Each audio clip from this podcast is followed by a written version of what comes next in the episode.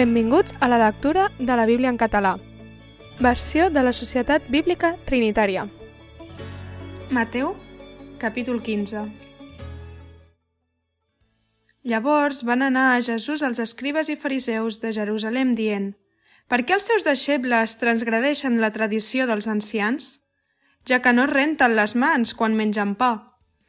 Ell respongué i els hi digué i vosaltres, per què transgrediu el manament de Déu per causa de la vostra tradició? Perquè Déu va manar dient, honra el teu pare i la teva mare, i qui maldigui al pare o la mare, que se'l faci morir.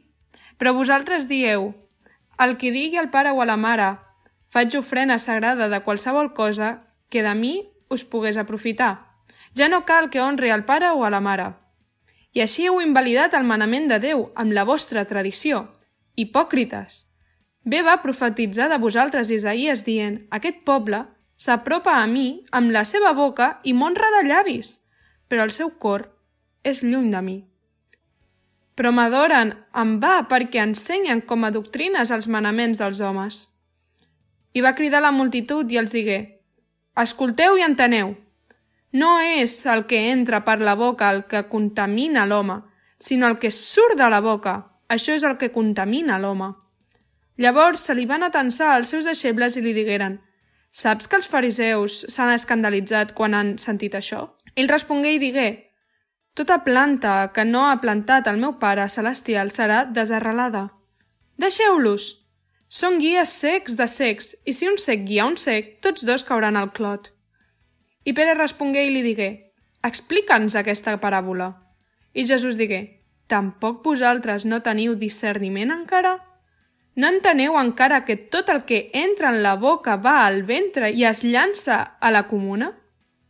En canvi, les coses que surten de la boca provenen del cor i aquestes contaminen l'home. Perquè del cor provenen els pensaments dolents, els homicidis, els adulteris, les fornicacions, els robatoris, els falsos testimonis i les blasfèmies. Aquestes són les coses que contaminen l'home. Però menjar amb les mans sense rentar no contamina l'home. I Jesús va sortir d'allà i se n'anà a les contrades de Tir i de Sidó. I és aquí una dona cananea que sortia d'aquells termes el va cridar dient «Tingues misericòrdia de mi, Senyor, fill de David, la meva filla està terriblement endemoniada» però ell no li respongué cap paraula, i els seus deixebles se li van atensar i li demanaren, dient «Fes-la marxar, perquè està cridant darrere de nosaltres». Ell respongué i digué «No he estat enviat sinó les ovelles perdudes de la casa d'Israel». Però ella vingué i es va postrar-ne davant d'ell, dient «Senyor, ajudeu-me». Ell respongué i digué «No està bé d'agafar el pa dels fills i llançar-lo als gossets». I ella digué, Sí, senyor, però fins i tot els gossets mengen les engrunes que cauen de la taula dels seus amos. Llavors Jesús digué i respongué, Oh dona, gran és la teva fe, que es faci per a tu així com vols. I la seva filla estigué guarida des d'aquell moment. Jesús marxa d'allí i vingué vora la mar de Galilea. Va pujar a la muntanya i s'hi va seure i se li van acostar grans multituds que duien amb ells coixos, secs, muts, mutilats i molts altres. I els van posar als peus de Jesús i els va guarir. De manera que les multituds se'n miraven, veient parlar els muts, els mutilats guarits, els coixos caminant i els secs veient-hi, i glorificaven el Déu d'Israel.